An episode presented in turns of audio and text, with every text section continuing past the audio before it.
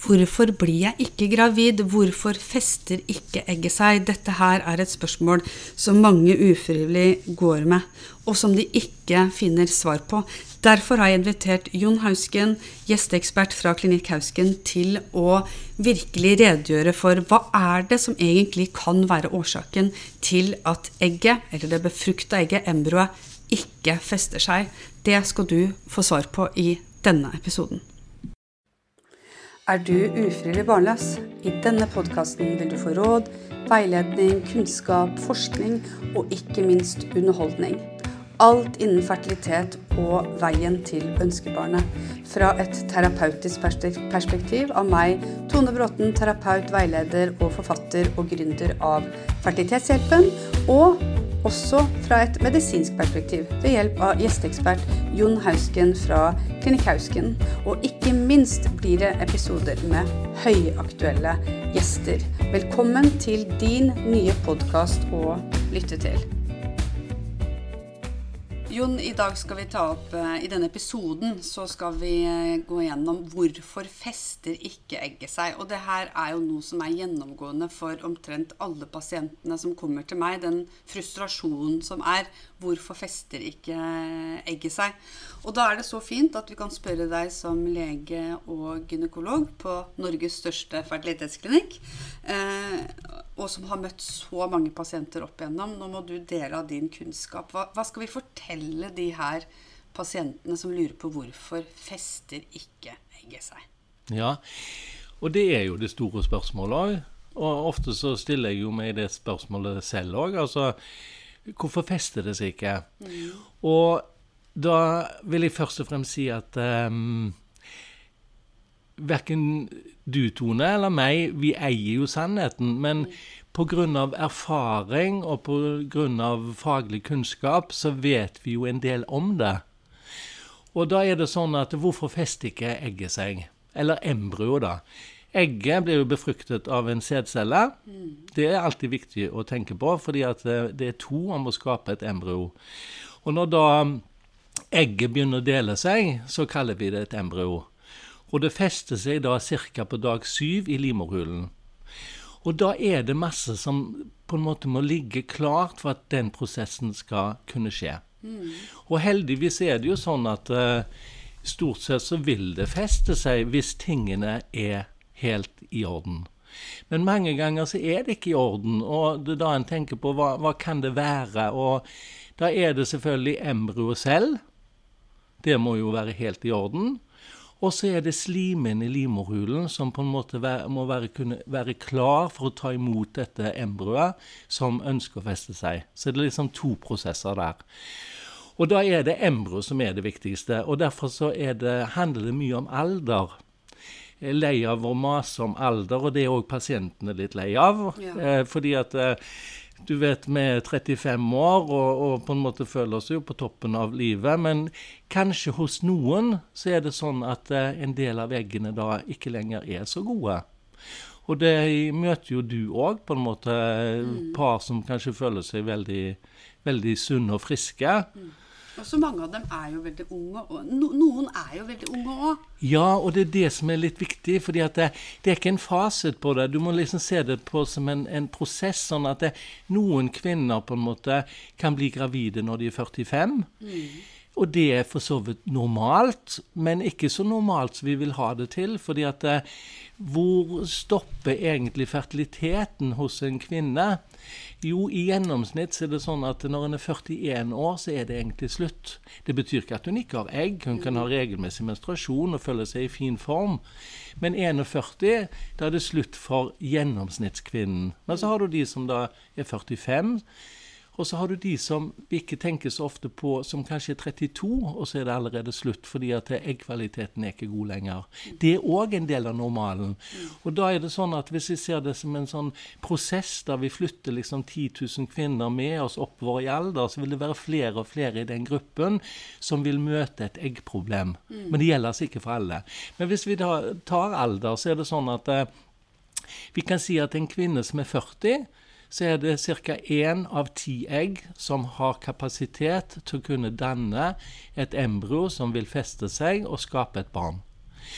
Og når vi da husker på at uh, selve prosessen rundt eggløsning er egentlig en, uh, en uh, Jeg kaller det for en et tilfeldig utvalg. Mm. Det er ikke alltid det beste egget som når eggløsning. For det tenker veldig mange ok, har eggløsning, alt det fungerer, men hvorfor fester det seg ikke? Nei, fordi at det egget er kanskje ikke av god nok kvalitet. Mm. Og hvis det er én av ti, så sier det selv at da er det kanskje bare én gang i året da, at du har en eggløsning som faktisk inneholder det egget. Mm. Så blir det komplisert av partneren, fordi at det, i gjennomsnitt så kan vi si at partneren er med å ødelegge 50% av eggene pga av at det ikke var en god spermie heller. Mm -hmm. Og dermed så blir det på en måte ikke bare én av ti, men da blir det én av tyve. Mm. Og da skjer det jo ikke så ofte, og da er det klart at da har en et infantilitetsproblem. Men en er ikke steril. Det er, liksom, det er litt viktig for parene å vite. Ja, ja. Det kan skje. Det kan skje neste, neste måned òg. Og hvorfor er det da at eggene liksom uh, går litt ut på dato? Da må man tenke litt mer enn bare det liksom at det er en celledeling.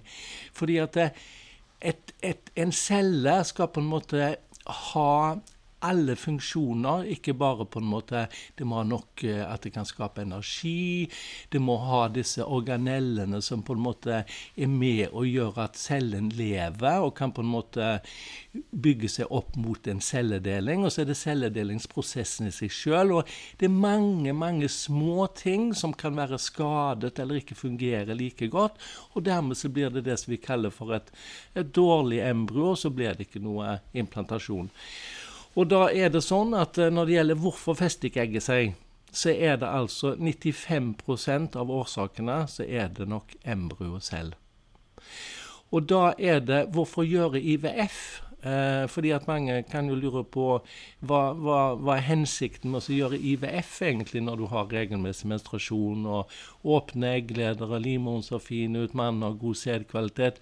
Jo, der handler det om dette med matematikk igjen. Og hvis du da er en gjennomsnittlig og har én av ti, og hvis jeg kan da hente ut ti egg, så har jeg muligheten for å finne det ene som på en måte har den kapasiteten. Mm. Derfor så øker sjansen med IVF. Men det betyr ikke liksom at det er, at det er 100% at det vil gå, men du øker sjansen betydelig med det. Og så korter du ned vel ned ventetida. For veldig, altså, det her å bare ha muligheten til å bli gravid én gang i måneden, det er ganske forferdelig for fertilitetspasienter at det liksom er tolv sjanser bare i løpet av et år. Det høres jo lite ut for mange. Eh, men, men, det her å korte ned tida til graviditet fordi vi henter ut flere egg enn bare det ene egget som normalt sett blir modent, er det riktig å si det? Ja, det tenker jeg. altså. Ofte, Min kjepphest er jo på en måte Og der, den er litt farlig òg, fordi at du skal jo forsøke å ikke lage det liksom til å bli en, en, en stressituasjon heller. Mm. Men for veldig mange så handler det om ikke vent. Mm. Uh, det betyr ikke at du, du, trenger å ta behandling i morgen, men på en måte det, det er et veldig dårlig Eh, råd fra meg hvis jeg sier at her har vi god tid. Fordi at eh, når du først på en måte har møtt et fertilitetsproblem Hvor mange måneder må man ha prøvd, tenker du Jon, før man kanskje burde ha spurt om hjelp? Ja, jeg tenker at um, Veldig mange gjør masse selv, og det er jo kjempeflott. Eh, det viktigste i en sånn behandlingsrekke er jo egentlig å få tima det inn. ikke sant? For en del kvinner sliter jo med eggløsning, mm. og de trenger jo hjelp nesten med en gang. Altså, Det er fort gjort å, å kontrollere. Nei, nei, jeg har et modningsproblem og har sjelden og aldri eggløsning. Da, da, er det jo ikke nødvendig å vente i det hele tatt. Da syns jeg de skal komme, og så kan vi kanskje forsøke noe lettere hormonstimulering, bare for å få i gang eggløsning i alle fall. Mm. Men la oss si at de har eggløsning, da. så er det jo det første er jo timingen. Og det gjør jo de fleste parene. De skaffer seg apper, de tester kanskje med sånne LH-tester. Og så har de kanskje testa mannen, og alt fungerer OK. Og hvis de da har hatt tima samleie på en måte i seks måneder, og ingenting har skjedd, mm. da syns jeg at det er på tide å ta en vurdering. Mm. La oss ta og se er det noe her som vi kanskje skal hjelpe til med. Kan det være noe noe som er galt, som vi har oversett. Og den prosessen er viktig, fordi at det, parene sitter jo ofte med løsningen selv. Det er ting som de egentlig har gått og ruga på, som er sånn Nei, men det betyr ikke noe. Men jo, kanskje det gjør det. La oss ta en samtale. For du trenger ikke starte behandling. Men du må iallfall få gode råd om hva er det kanskje dette går i. Men da er vi jo tilbake til hvorfor fester det seg ikke. Ja. Fordi at Jeg vil si at det, Ja, du brukte jo dette her med hvor lenge skal en vente. fordi hvis du, La oss si at du ønsker kanskje to barn, da. Ja. Sant? Da er det i alle fall ikke så lurt å vente for lenge hvis en på en måte begynner å nå en viss alder. Men mange fastleger, gynekologer som skal henvise eh, til eh, fertilitetsbehandling, sier jo at eh, vent i tolv måneder. At man skal liksom, et år så er man diagnotisert som ufrivillig barnløs. Er, er du enig i det? Nei, det er jeg overhodet ikke enig i. Eh, la oss si at vi har et ungt par, da. Ja. Eh, hvis hun sliter med eggløsning, så er det jo på tide å gå med en gang. Eh, hvis de ikke gjør det, så skal en huske på at eh, unge kvinner med regelmessig menstruasjon de har jo stort sett gode egg. De skal bli gravide i løpet av første eller andre menstruasjonssyklus. de. Så hvis de ikke blir gravid i løpet av et halvt år når de er unge, Ja. for det skulle de ha blitt, ja. da bør de sjekke mannens sædkvalitet. Og hvis den er i orden, så må du gå videre. Så enkelt er det.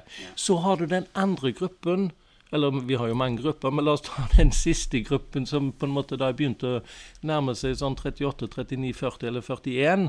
Før de kanskje er i et, i et forhold hvor det Eller det trenger ikke være i forhold heller, men de vil i alle fall bli gravid.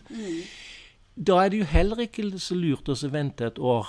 Fordi at det, å flytte seg fra 39 til 40-41, da reduserer du jo sjansen nesten med 50 da. Så hvis en er eldre, så bør en òg komme tidlig. Det betyr ikke at de trenger å ta behandling, men vi må iallfall få kartlegge har du gode eggreserver. Er det, er det lurt å vente litt til, eller bør vi speede opp prosessen? Og stort sett så vil jeg si et godt råd er å speede opp prosessen, men så må vi jo ikke lage stress ut av det heller. Og der eh, kan vel du skyte inn noe um, Ja, altså akkurat på jeg, det? jeg, jeg tenker, det, er, det er jo mange myter om fertilitetsbehandling. Eh, at man eh, legger på seg masse, at man blir en hormondrage. At man ikke kjenner seg sjøl igjen. At man har hørt historier osv. Men det, er jo myter, som jeg kaller det. Jeg opplever at de fleste pasienter håndterer denne eh, behandlinga på en god måte. Det som er vanskelig, det er å håndtere det emosjonelle etter hvert når det er mislykka forsøk. At det kan være vanskelig å håndtere det. Um, men jeg er enig med deg at det å vente for lenge At noen får høre sånn 'Å, du bør vente tolv måneder', og så er det vanskelig. Fordi det jeg ser, det er at IVF-behandling kan ofte være en lettelse for paret. At man føler mer kontroll. At man kan føle at man gir eh, på en måte barneprosjektet over til en klinikk. Og så veit du at ok, nå er det de som har hovedansvaret, og det er kanskje kvinnen i mange tilfeller som er drivkraften, da, men som kan føle liksom hjemme at man har ansvar for barneprosjektet, driver med eggløsningstester, eh, googler, finner alle feil på seg selv og mannen, hva kan det være? Eh, og så blir man en form for eh, hjemmefertilitetsspesialist. Eh, og det vil ikke jeg anbefale. Nei, altså det er jo litt morsomt dette med fertilitetsspesialist. Fordi at de blir jo det parene.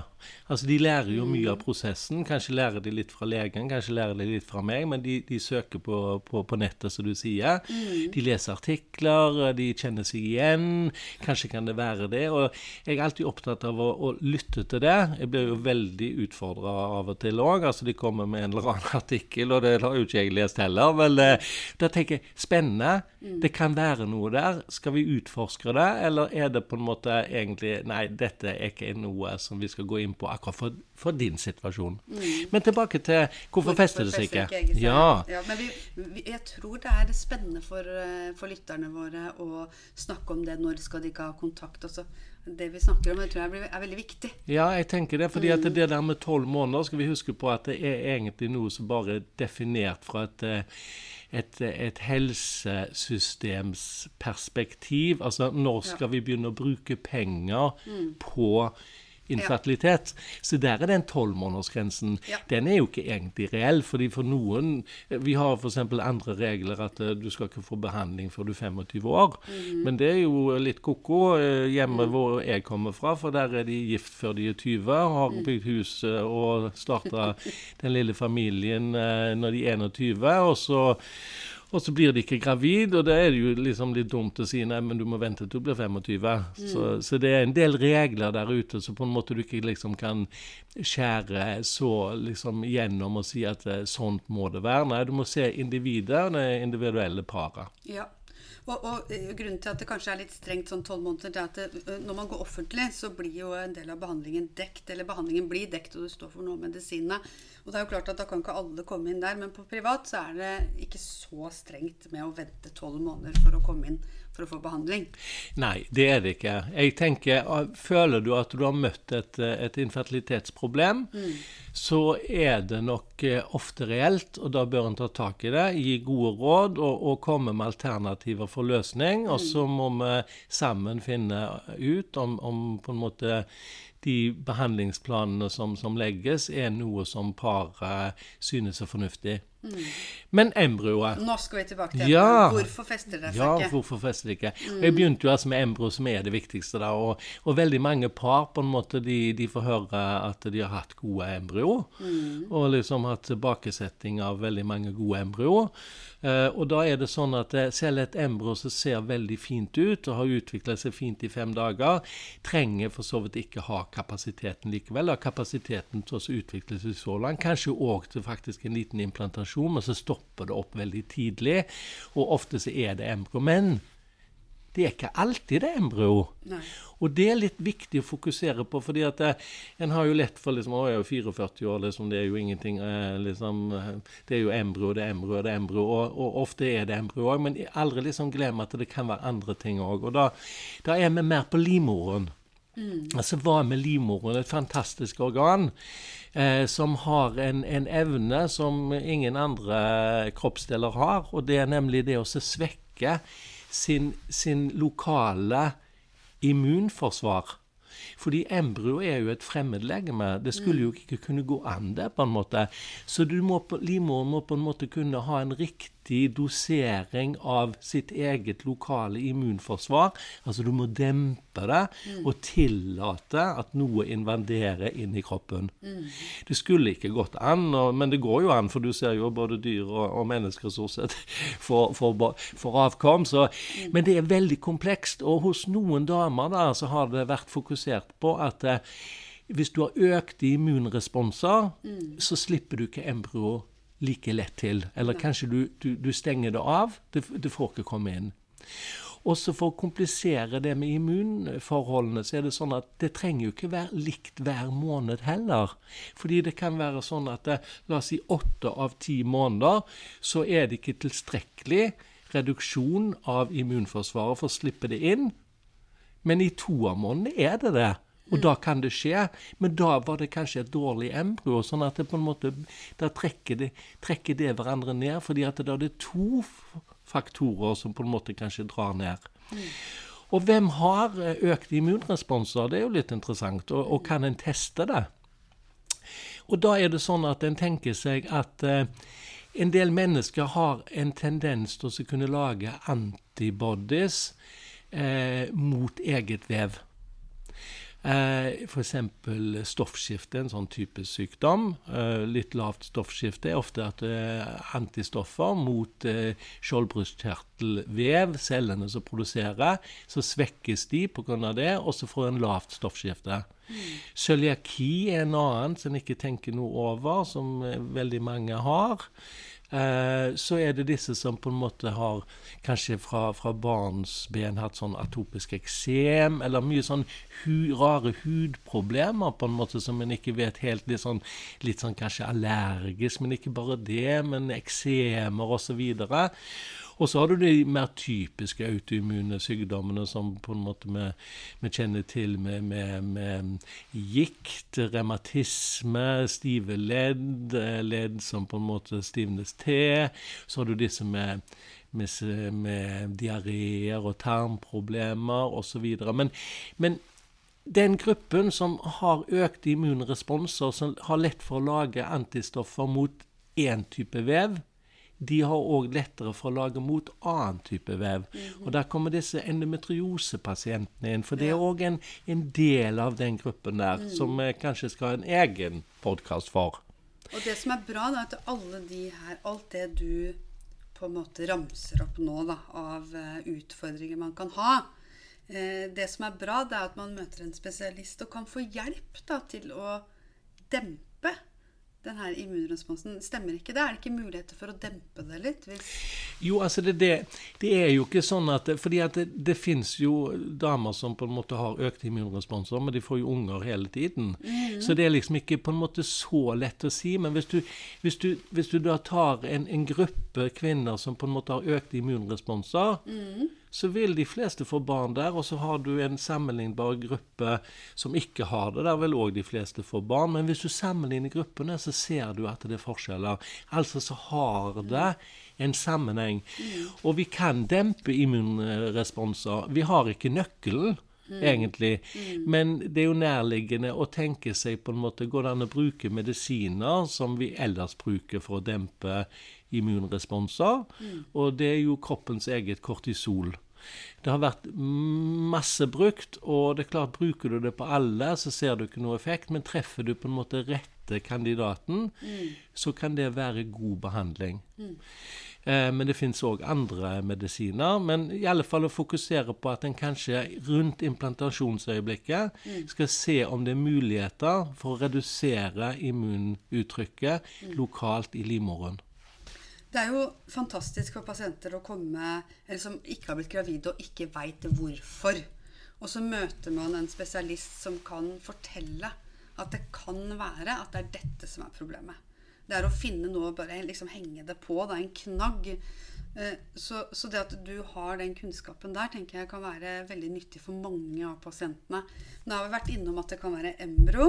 Eh, husker når jeg i hvert fall jobba internasjonalt, så var det sånn ok, hvis det ikke fester seg, så, så, har, så har embro eh, 80 av skylda, fikk jeg høre.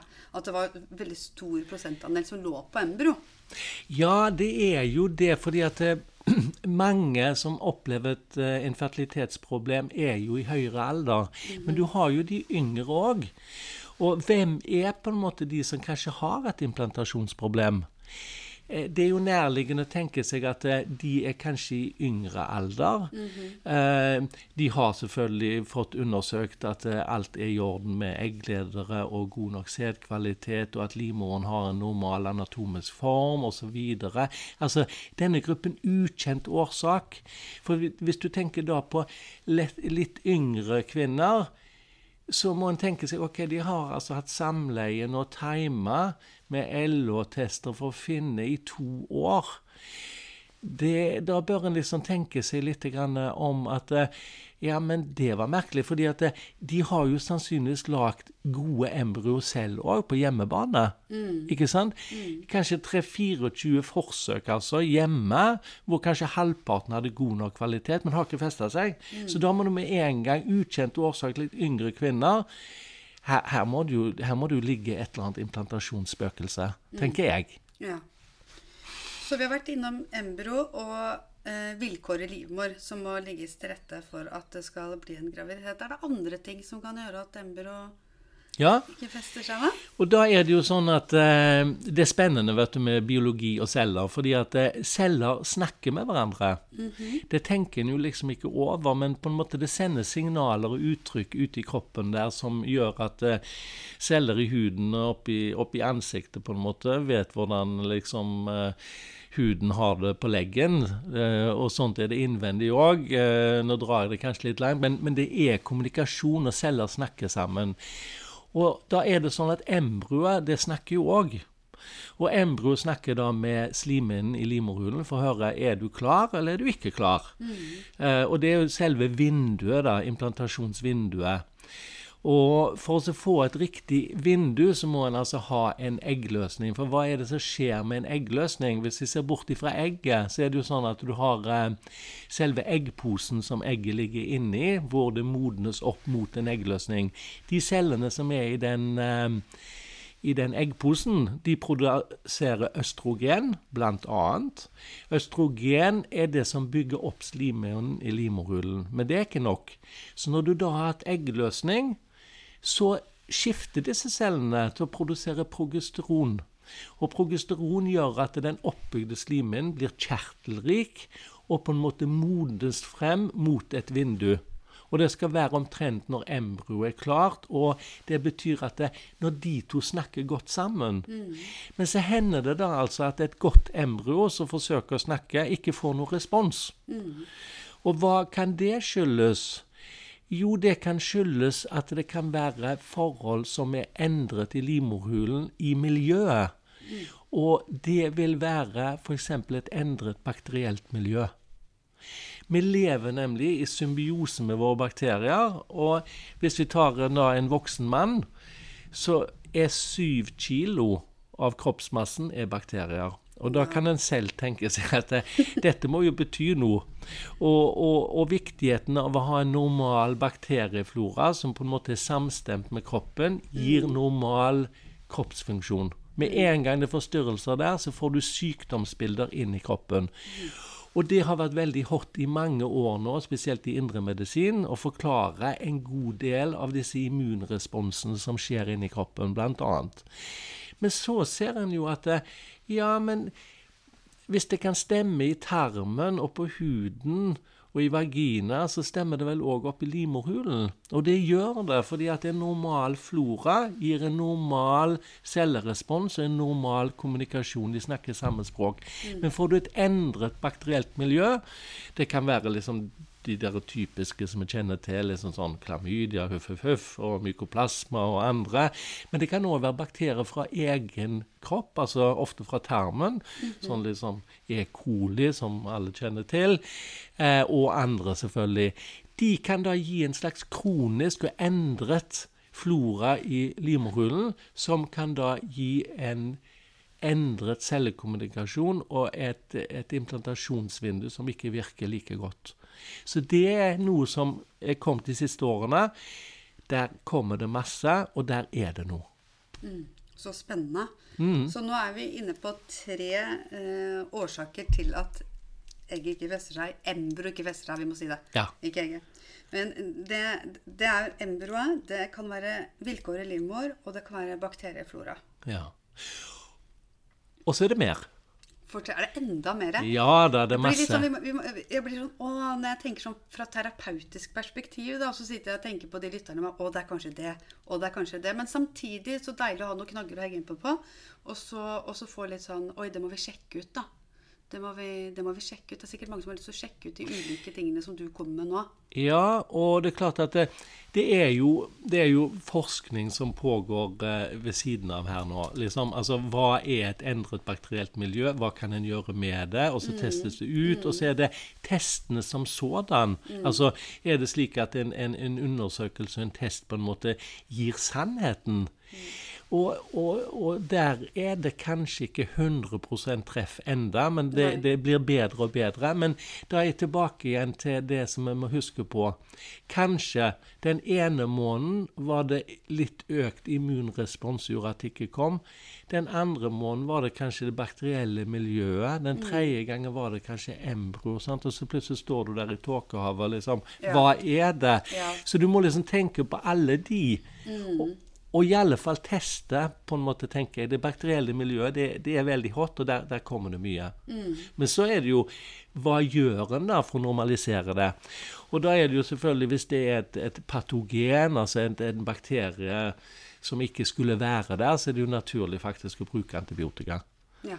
Men antibiotika trenger heller ikke være fornuftig i enhver setting. Mm. Fordi at eh, hva er det som skader en bakteriell flora? Jo, det er jo nettopp antibiotika. Mm. Så du kan òg skade. Så det er liksom viktig at en gjør en individuell vurdering og tar mm. pasienten med på lag. Men ja. her er det sånn og sånn og sånn. Mm. Her tror jeg kanskje det kan være fornuftig. Så hva er neste, da? Etter ja. bakterieflora? Da går vi på selve organet selv, altså livmoren. Mm. Livmoren, eh, og, eller genitalia, det dannes egentlig av eh, For prøve å gjøre det litt kort, da. Mm. Dannes av fire rør som smelter sammen. Og hvis de smelter fullstendig sammen, så får du én vagina, og du får én livmorhals med kanal, oppi én livmor med én livmorhule. Men så har det ikke vært en fullstendig sammensmeltning, eh, fordi at da deler det seg jo helt øverst i livmoren. Sånn, eggleder og så kommer eggstokken. Mm. Sånn at der har du fremdeles den todelte, mm. altså to rør til hver side. Og det høres jo helt greit ut, men det er bare det at når en eh, liv dannes, så er det sånn at ikke alle systemer fungerer like godt, så du får ufullstendig sammensmeltning. Og dette kunne vi ha snakket veldig mye om, fordi noen kvinner er jo født med to vaginer og to livmødre, og, og så tenker en men herregud det er så, Går det an? Ja, det går an, fordi at det var ikke fullstendig sammensmeltning, da blir det liksom plutselig to. Ok. Ja, Men la oss si at det blir en partiell Altså, det betyr altså nesten nesten fullstendig sammensmeltning, så får en at øvre del av livmoren den har ikke smeltet sammen sånn at du får et ordentlig tak med eggleder som går ut på hver side. Men du får på en måte et tak som kommer ned som en sånn der innbukning i livmoren. Og det vevet er noe som vi kaller for et fibrøst vev, altså mer sånn R-aktig vev. Det kan du klippe i uten at det gjør vondt, for det har jeg hørt. Ja, og det er akkurat det vi gjør. Men i alle fall, det kan nesten virke som en liten spiral, det, altså. Såpass, ja. Ja. Og det vet man liksom ikke at man har? på en Nei, måte, eller? det kan en ikke vite. Men kan en vanlig, Har man vært på en gyn-undersøkelse, altså blir det oppdaga, eller må man til en fertilitetsspesialist for at det skal oppdages? Nei, hvis det er veldig tydelig, så blir det oppdaga hos alle gynekologer. Men hvis det ikke er fullt så tydelig, så er jo vi på en måte mer eh, hva skal du kalle gira på å se etter det. Og den som leter, den finner. Ja. Og så er det jo da at plutselig så finner du mer enn du egentlig trenger. fordi at det er jo ikke alle som, som trenger, eh, som har et implantasjonsproblem fordi at du har en noe nedbuka eh, tak av livmoren. Men det kan være en medvirkende årsak, og da må man vurdere igjen individuelt er dette noe som på en måte vi kanskje bør gjøre noe med. Og, og så er det vel sånn muskel... Altså Jeg har hørt om det, muskelknuter, altså andre ting som forkludrer litt. Eh, en livmor som er eh, litt annerledes enn normalt. Altså Er det ikke sånne ting òg? Jo, altså det er masse der. Eh, der har du, som du sier, muskelknuter. Hva er det? Jo, altså disse muskelcellene i livmoren de har en tendens til å på en måte spolforme seg og lage knuter. Og kvinner som er 40 og eldre, der har i alle fall halvparten muskelknuter. Og da kommer det litt grann an på størrelsen. Fordi at hvis det er en muskelknute som har en knappenhull stor eh, eh, Den vil jo ikke affisere livmoren, fordi livmoren er et stort organ. Men la oss si at den er en 3-4 cm, da.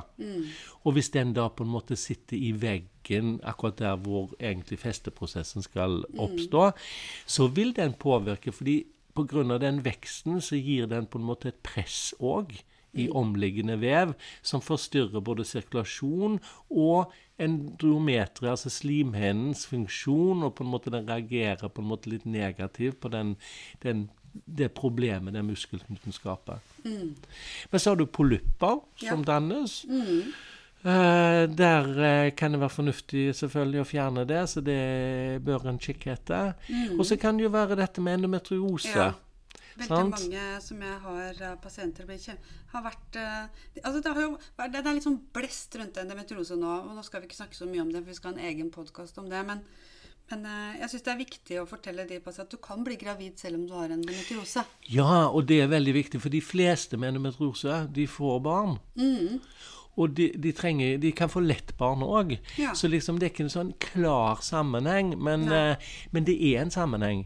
Og f.eks. da lokalt i livmorhulen så er det jo sånn at eh, dette endometrosevevet på en måte kan da implantere og, vokse inn i selve muskelen og skape på en måte en, en slags betennelse, inflammasjon. Og den kroniske betennelsessettingen gjør òg at slimhinnen endres og på en måte ikke lar seg så lett gi en, en normal implantasjon. Så, så endometriose spiller i høy grad på dette med at egg ikke fester seg.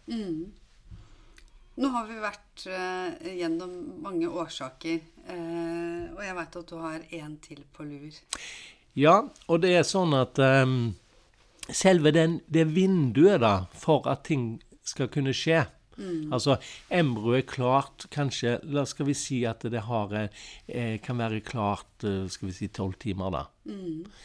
Eh, og da må jo det passe med at slimhinnen òg er akkurat klart da de tolv timene for at det skal skje. Og da kan en se for seg flere muligheter. Det at noen har et veldig sånn veldig teit vindu. Det er kanskje liksom bare en time og to. Sant? Og da er det jo lettere å kunne misse det enn de som har veldig vide. Og da vet vi at med alder så er implantasjonsvinduet mye smalere enn det vil være hos yngre. Så det kan være et problem. Men så kan det òg være at det er forskjøvet. Og, og det kan en òg teste. Men så er det sånn da, igjen, at det, er ikke sikkert at dette vinduet er forskjøvet hver gang. Så derfor så kan du egentlig være en kvinne som har tendens til forskjøvet vindu, men du har det ikke alltid, så derfor fikk du fire unger og aldri tenkt noe over det. Mm. Men hvis dette forskjøvet, for dette vinduet som forskyves, kommer da i tillegg til kanskje en faktor og to og tre til, mm. så blir det et problem. Mm. Og da er det spesielt dette her at hvis slimhinnen er klar for tidlig, så vil det jo ikke kunne skje, for embryoet er jo ikke klart. Mm. Eh, men hvis vinduet forskjøver andre veien, altså kommer egentlig senere enn det som embryoet egentlig optimalt kunne tenke seg, så skjer det ofte likevel, fordi embryoet det har en kapasitet til å kunne vente. De ser 'Å ja, slimen er ikke klar, men jeg kan nok klare å strekke meg en del timer til', og så går det bra. Men 2-3% av alle kvinner de har altså et vindu som forskjøvet, sånn at det kommer tidligere, og de opplever da et implantasjonsproblem. Ja. Jeg lurer på, Jon, altså Nå har vi snakka om alt det som Jeg tenker fra sånn terapeutisk perspektiv nå, vi kvinner er sånn og det er sikkert eh, det er sikkert meg det er noe gærent, men det er så mye som kan være med meg. Og så har vi den her spermen, da. Hvor viktig er det å få testa den, tenker du? Altså, det er, det er nummer én, det. Det er nummer én, ja. Det er nummer én fordi at eh, mannens sædkvalitet er veldig avgjørende for hvilke råd vi skal gi. Mm. Har han supertopp, så er jo det fint. Mm. Men ofte så har de jo ikke det. Mm. Og om den generelle sædkvaliteten er på vei ned, noe det er mange signaler som, som på en måte tyder på det, mm. eh, så vet vi jo ikke det 100% for vi hadde jo ikke noen stor studie på Jesus sin tid på, på sædkvalitet. Men en kan se for seg på en måte omgivelsene og det miljøet vi lever i, og vi vet en del om faktorer som påvirker òg spennende ting som, som, skjer med studier når det gjelder gravide kvinner. Mm. For gravide kvinner er selvfølgelig òg utsatt for det det miljøet vi lever i. Og det ser ut som det er effekter der som allerede påvirker de små guttefostrene til å, at det blir dårlig sædkvalitet allerede fra starten der. Mm. Så ja, sædkvaliteten er nok på vei ned. Men um, stort sett så går jo det bra. Men du er inne på det, fordi at et embryo lages jo av uh, en spermie mm. og et egg. Mm. Og da er det sånn at hvis en da hvis en da får dårlige embryo, la oss si det, Eh, så kan det altså være egg, eller det kan være sædcellene, eller det kan være en kombinasjon. Ofte er det jo kombinasjoner. Men hvis en skal forsøke å fordele den skylden, noe som på en måte en ikke er så opptatt av, fordi at en er jo et par som på en måte er gjennom dette sammen, mm. så er det oftere egget enn sædcellen. Det er det nok. Ja. Men har han veldig dårlig sædkvalitet, mm. eller høyere noe som heter DNA-fragmentering, altså at uh, det kromosomskader i spermien, så blir det jo dårlig embryo, selvfølgelig. fordi at du får jo ikke laget et embryo uten at det er normal sædcelle. Så -hmm. mannen har nok litt oftere skyld enn vi tenker på. Ja. Og det, det syns jeg er viktig å få med. Ehm, jeg tror nå, Jon, at det har vært en kjempegod informasjon for lytterne, alt det du har sagt. Jeg tror at vi kan liksom evaluere med at um, det er viktig å ta kontakt med klinikken hvis man opplever å ha et infertilitetsproblem, og at man ikke er så strenge med seg sjøl og tenker at jeg må vente i tolv måneder. At jo tidligere, jo bedre, egentlig, i forhold til kvalitet på, på egg òg, hvis vi kan snakke om hvor viktig det er. Eh, og det at du kan eh, som fertilitetslege line opp altså Alt det her kan det, kan det skorte ved, liksom. At det kan normalisere litt. da, At eh, å ja, det, er, det, kan være flere ting. Det er ikke sikkert det bare er det jeg tenker. Nei, som oftest er det jo flere ting. Ja. Og da må en på en måte holde øynene åpne. For la oss ta hun på 44, da. Mm. Så han så liksom bare se, å ja, se på de embryoene, da. Det er jo det som er årsaken til at ikke det paret blir gravid. Mm. Men så glemmer en at hun har jo vært ung. Det har hun. Eh, på en måte, så Hvorfor skjedde det liksom ikke for ti år siden? da? Så mm. Jeg må alltid tenke, jeg må alltid gå veien tilbake. For én ting er akkurat alderen nå, men jo, men de har jo forsøkt nå i 15 år. Mm. Eh, og problemet lå jo helt tilbake for 15 år siden. Mm. Da var det ikke embryo. Så du må alltid tenke at det, det kan være noe med forholdene i livmorhulen allikevel. Mm. Og så er det jo noe som jeg og deg alltid er opptatt av. det er at det, altså vi vi vet noe, men vi vet jo ikke alt. Mm. Vi ikke alt. Eh, og vi vet ikke sannheten. Eh, men sannheten med det som vi har snakket om nå, ligger sånn omtrentlig Teoretisk vet vi at det er sånn. Mm. Og så er det sånn at eh, til tross for at alle disse faktorene kan være til stede, så er det altså kvinner da Mm. som blir gravid spontant har normale svangerskap. Sånn at det, Mm. det, er, det er nok timingen på alle disse faktorene, når de er negative alle sammen i, i ett øyeblikk, Mm. da blir det ikke noe. Fordi jeg tenker sånn, Selv om man gjør IVF, da, for det er noen er sånn og vi tukler med naturen hvis vi begynner med IVF f.eks. Ja, jeg er så eh, for å kunne si at når det embryo ble satt inn, da, så har vi på en måte gjort det vi kan for å øke suksessraten for at det skal feste seg. Eh, men allikevel så er det enda et mirakel at det fester seg. Det er enda eh, fra naturens side at det embryo skal feste seg. Og det har jeg så lyst til. Altså det, er, det er i livets mirakel det er jo å skape et barn. Og det, vi øker suksessraten. Det gjør vi virkelig med alt det medisinske vi kan gjøre. Og så står vi overfor et mirakel. Det syns jeg er fint å kanskje ende denne podkastepisoden Jeg er med. helt enig. i. og jeg som jobber liksom da med kanskje par som ikke blir så lett gravide, Mm. er jo litt forundra over at det i det hele tatt går. Ja. jeg òg veldig gøy. Og det er litt viktig at selv om man trenger hjelp, så er det ikke sikkert at man trenger mye hjelp. Eh, man kan bli gravid første forsøk, andre forsøk eller tredje. Og det skal vi snakke om litt senere. Liksom det dette med stress og litt forskjellig. Ja. Mm. Ok, da takker vi for oss. Ja.